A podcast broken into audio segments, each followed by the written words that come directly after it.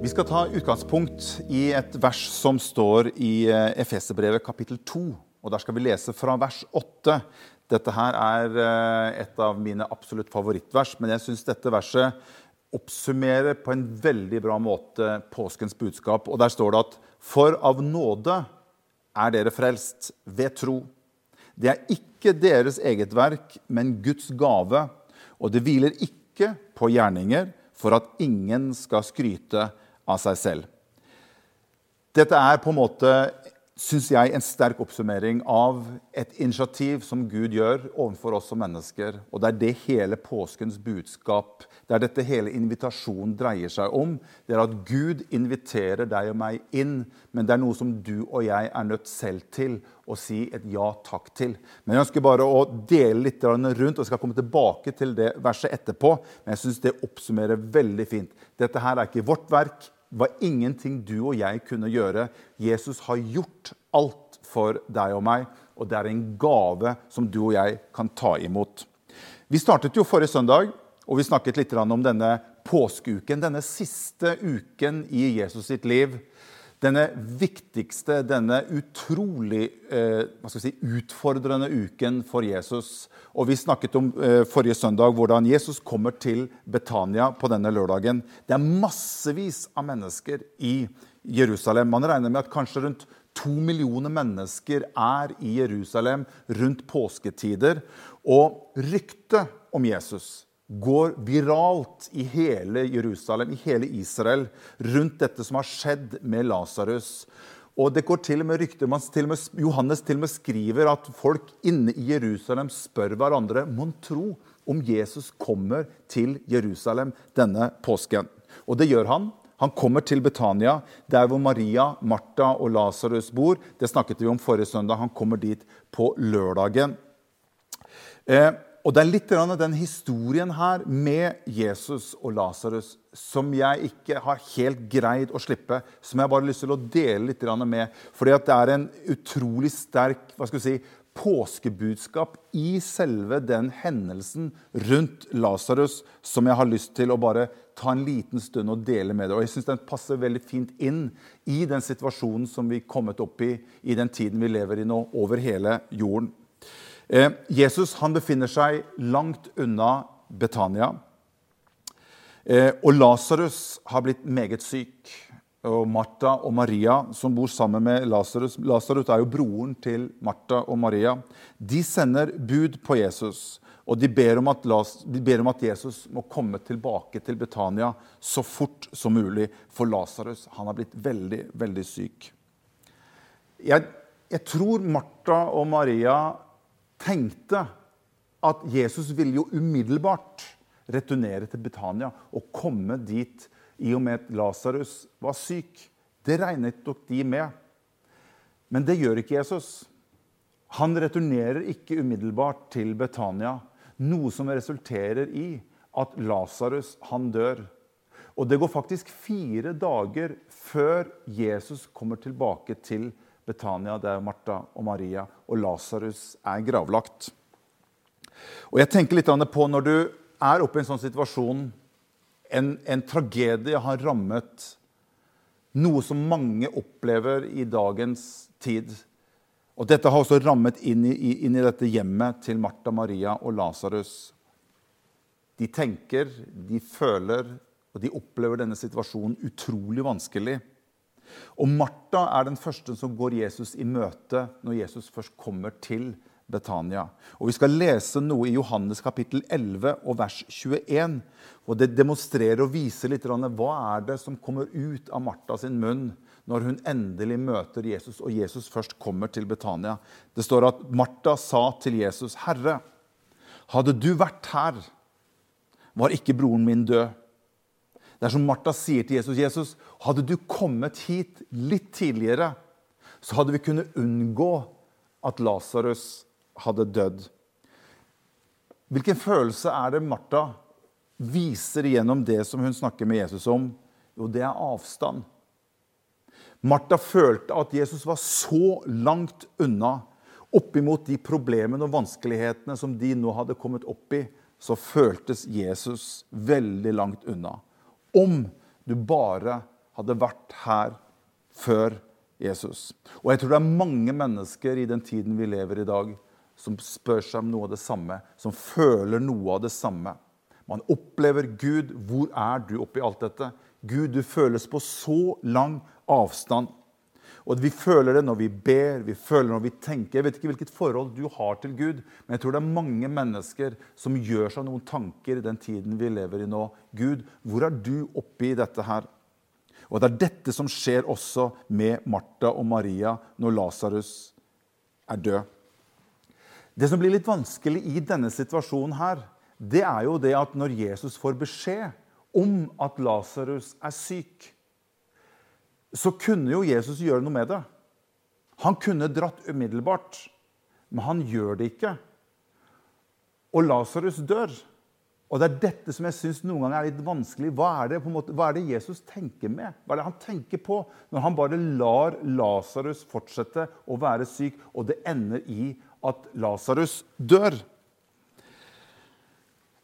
Det som jeg synes er fantastisk, det er når Jesus først møter Martha. Og Martha sier til ham hvis du hadde bare vært her litt tidligere, så hadde ikke Lasarus vært død.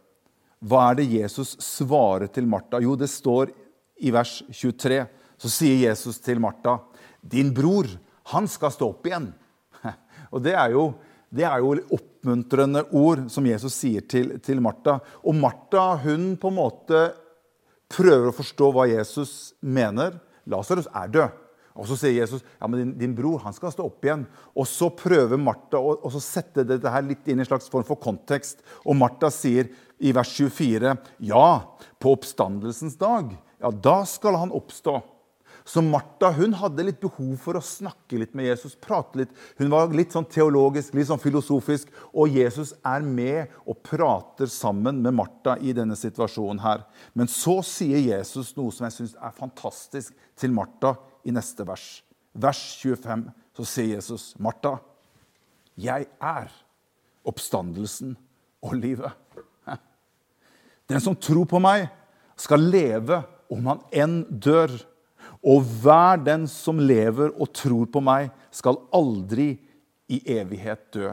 For et budskap i påsken som Jesus sier til Martha her. Martha, jeg er oppstandelsen og livet. Så får du tak i Jesus, så får du tak i oppstandelsen, og du får tak i livet.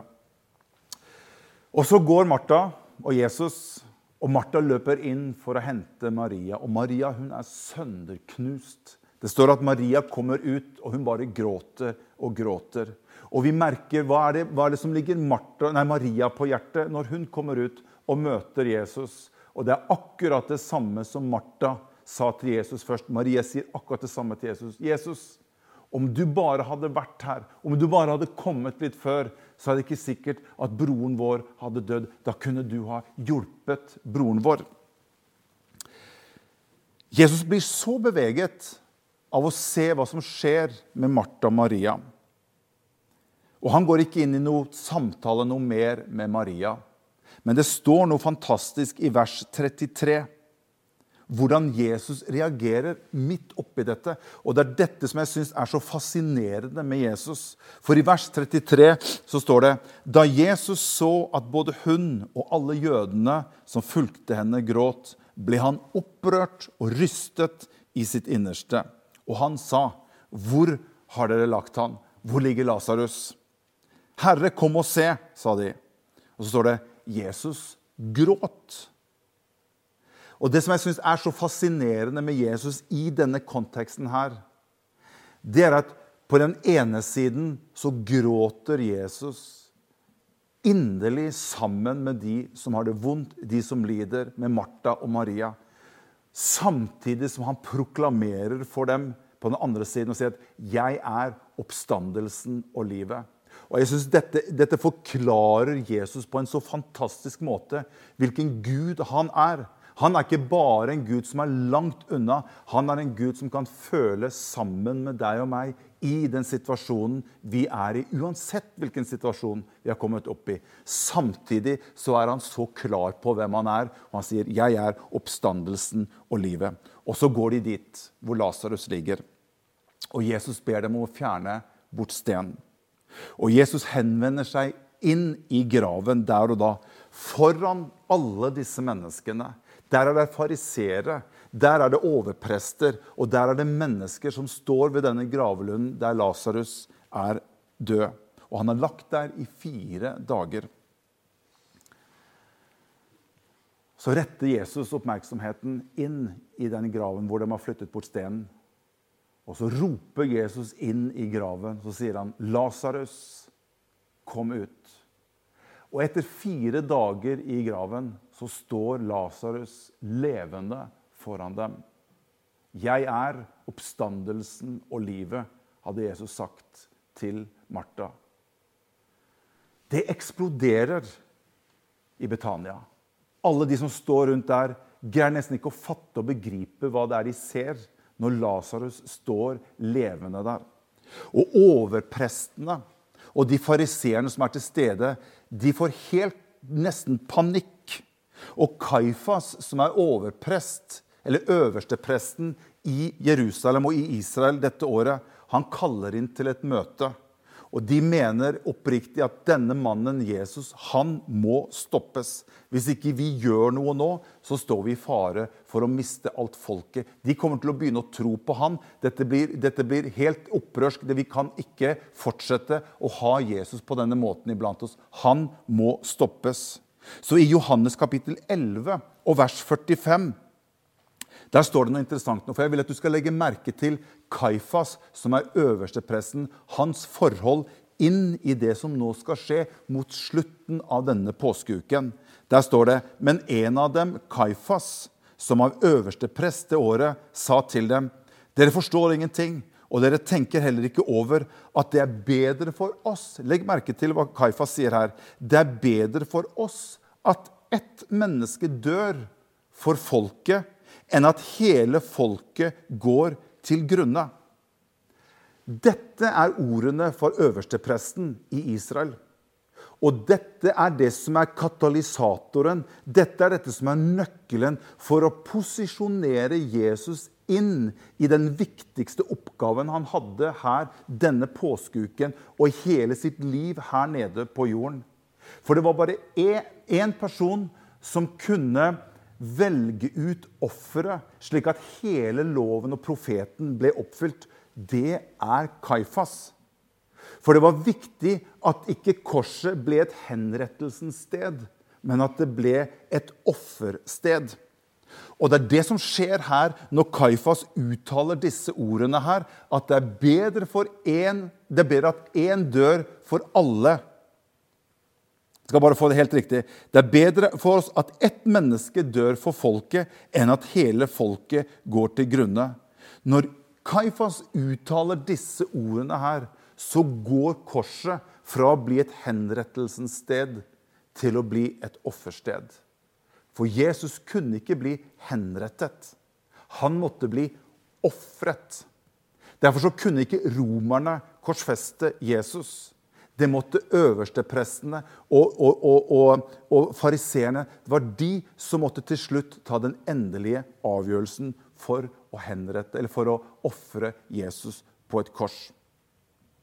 Så når Jesus blir tatt og arrestert, og han blir hengt på et kors, så var alt lagt til rette for det som nå skulle skje i Israel.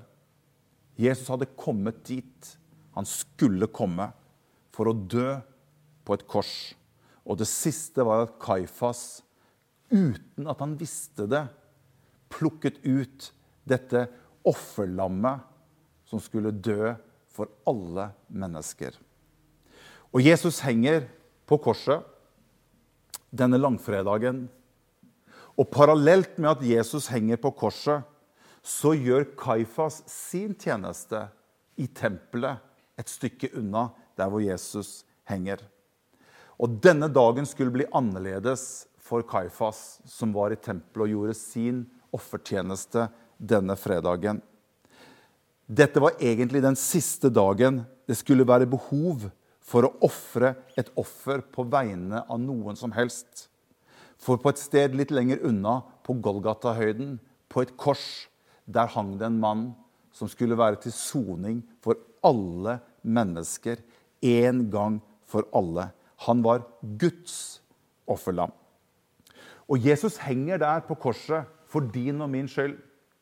Han henger der og tar all din og min synd, all din og min skyld, all vår skam, all smerte, alt denne, på denne langfredagen, når Jesus henger på korset, så blir alt dette lagt på Jesus. Det er derfor Jesaja, når han profeterer om dette som Jesus skulle oppleve på korset Det er derfor Jesaja profeterer om dette i kapittel 53 og vers 3. Der står det han var foraktet og forkastet av mennesker. En smertens mann, vel kjent med sykdom. Folk skjulte sitt ansikt for han, og han var foraktet, og vi regnet ham for intet. Sannelig, det var våre sykdommer han tok på seg, og det var våre smerter han bar, mens vi regnet ham som rammet, slått av Gud og gjort elendig. Men så står det men han ble såret for våre overtredelser. Han ble knust for våre misgjerninger, og straffen for at vi skulle få fred, rammet han og ved hans sår har vi fått legedom. Og Når Jesus henger der på korset, og Kaifas gjør klar sitt offerlam inn i tempelet, så skjer det noe veldig spesielt. Når all kamp var over, og Skriften sier det, at på korset så stilte Jesus enhver makt og myndighet åpenlyst til skue, og han viste seg som seierherre over dem på korset i et øyeblikk, i et nu, så seirer Jesus en fullkommen seier på korset. Og det er da Jesus roper ut på korset Det er fullbrakt. Eller det er gjort ferdig. Jeg vet ikke hva som skjer. Jeg, godt, jeg, jeg, jeg ser ting litt sånn i bilder. Men kanskje Kaifas i dette øyeblikket når han står inne i tempelet, han som selv hadde vært med og valgt ut dette offerlammet uten at han visste om det engang. Når han kanskje står i tempelet der med et lam og er klar til å ofre det, så roper Jesus på Golgata det er fullbrakt. Plutselig så skjer det noe inne i tempelet der Kaifas hadde pleid å gjøre tjeneste. Og det står at det var et forheng inne i tempelet som, skilt, som var et skille mellom Gud og menneske. Og når Jesus roper 'det er fullbrakt', så står det da revnet dette forhenget fra øverst til nederst. Og kanskje ikke Kaifas rakk engang å ofre det offerlammet han hadde tenkt. Det offerlammet kunne ikke gjøre noe forskjell likevel. Men det var en annen som hadde blitt ofret, Jesus Kristus. Og han roper ut 'det er fullbrakt', og da revner dette forhenget i tempelet. Og det blir en adgang inn som et symbol på ikke at Gud i første omgang skulle komme ut, men at du og jeg kunne få lov til å komme inn. Og det er det denne invitasjonen som vi har snakket om nå to søndager, det er dette det går ut på. At du og jeg vi har blitt invitert inn i et fellesskap med Gud. Og Det er derfor jeg syns det skriftstedet som vi begynte med, er så fantastisk, som står i Efeserbrevet kapittel 2 og vers 8. For av nåde er dere frelst, ved tro. Det er ikke deres eget verk, men Guds gave. Det hviler ikke på gjerninger for at ingen skal skryte av seg selv. Det påsken handler om, det er en invitasjon. Det er en gave som du og jeg tar imot. Det spiller ingen rolle hvor snill eller god du og jeg er. Gud la aldri For det, det som er så vanlig, det er hvis du spør mennesker hva skal jeg gjøre liksom, for, å, for, å, bli frelst eller tro på Gud eller få evig liv, så sier ja, hvis du bare er god og snill. Men det er det Efeserbrevet her sier. Det er ikke vårt eget verk. Det er ikke pga. hva du og jeg kan gjøre av gjerninger men det er bare nåde. og Derfor så sier Bibelen også at Gud har elsket oss så høyt at han var villig til å gi sin egen sønn. Det du og jeg gjør, det er at vi velger å tro på han. Og jeg har lyst til å si til deg, Hvis du sitter og ser på, eller du hører på, og du ikke har ditt liv i orden med Gud, du ikke har fått denne troen på innsiden, så er dette tiden for å kunne få lov til å ta imot Jesus. Han kaller på deg, og han elsket deg så høyt at han var villig til å gi sitt eget liv for at du kunne få lov til å ta imot denne invitasjonen inn i ditt liv. Og Jeg vil bare på det sterkeste anbefale deg Ta imot Jesus Kristus inn i ditt liv. Han elsker deg, og han ønsker å flytte inn i ditt hjerte, inn i ditt liv. Og du skal få lov til å oppleve og erfare at det fins en fred ifra Gud som kan fylle ditt liv. Og det kan få lov til å være en fred i gode tider og i dårlige tider. Men han har sagt at han skal være med deg og meg i denne tiden her. Jeg har lyst til å bare be litt først, og så skal vi dele nadværen etterpå. Kjære Jesus, jeg takker deg for at du ser hver eneste en som ser på dette programmet eller lytter til denne sendingen. Jeg bare ber deg om at du skal eh, kalle på hjerter, Herre. Jeg ber for mennesker som kanskje opplever at du er langt unna. Du er ikke langt unna. Du er nær oss.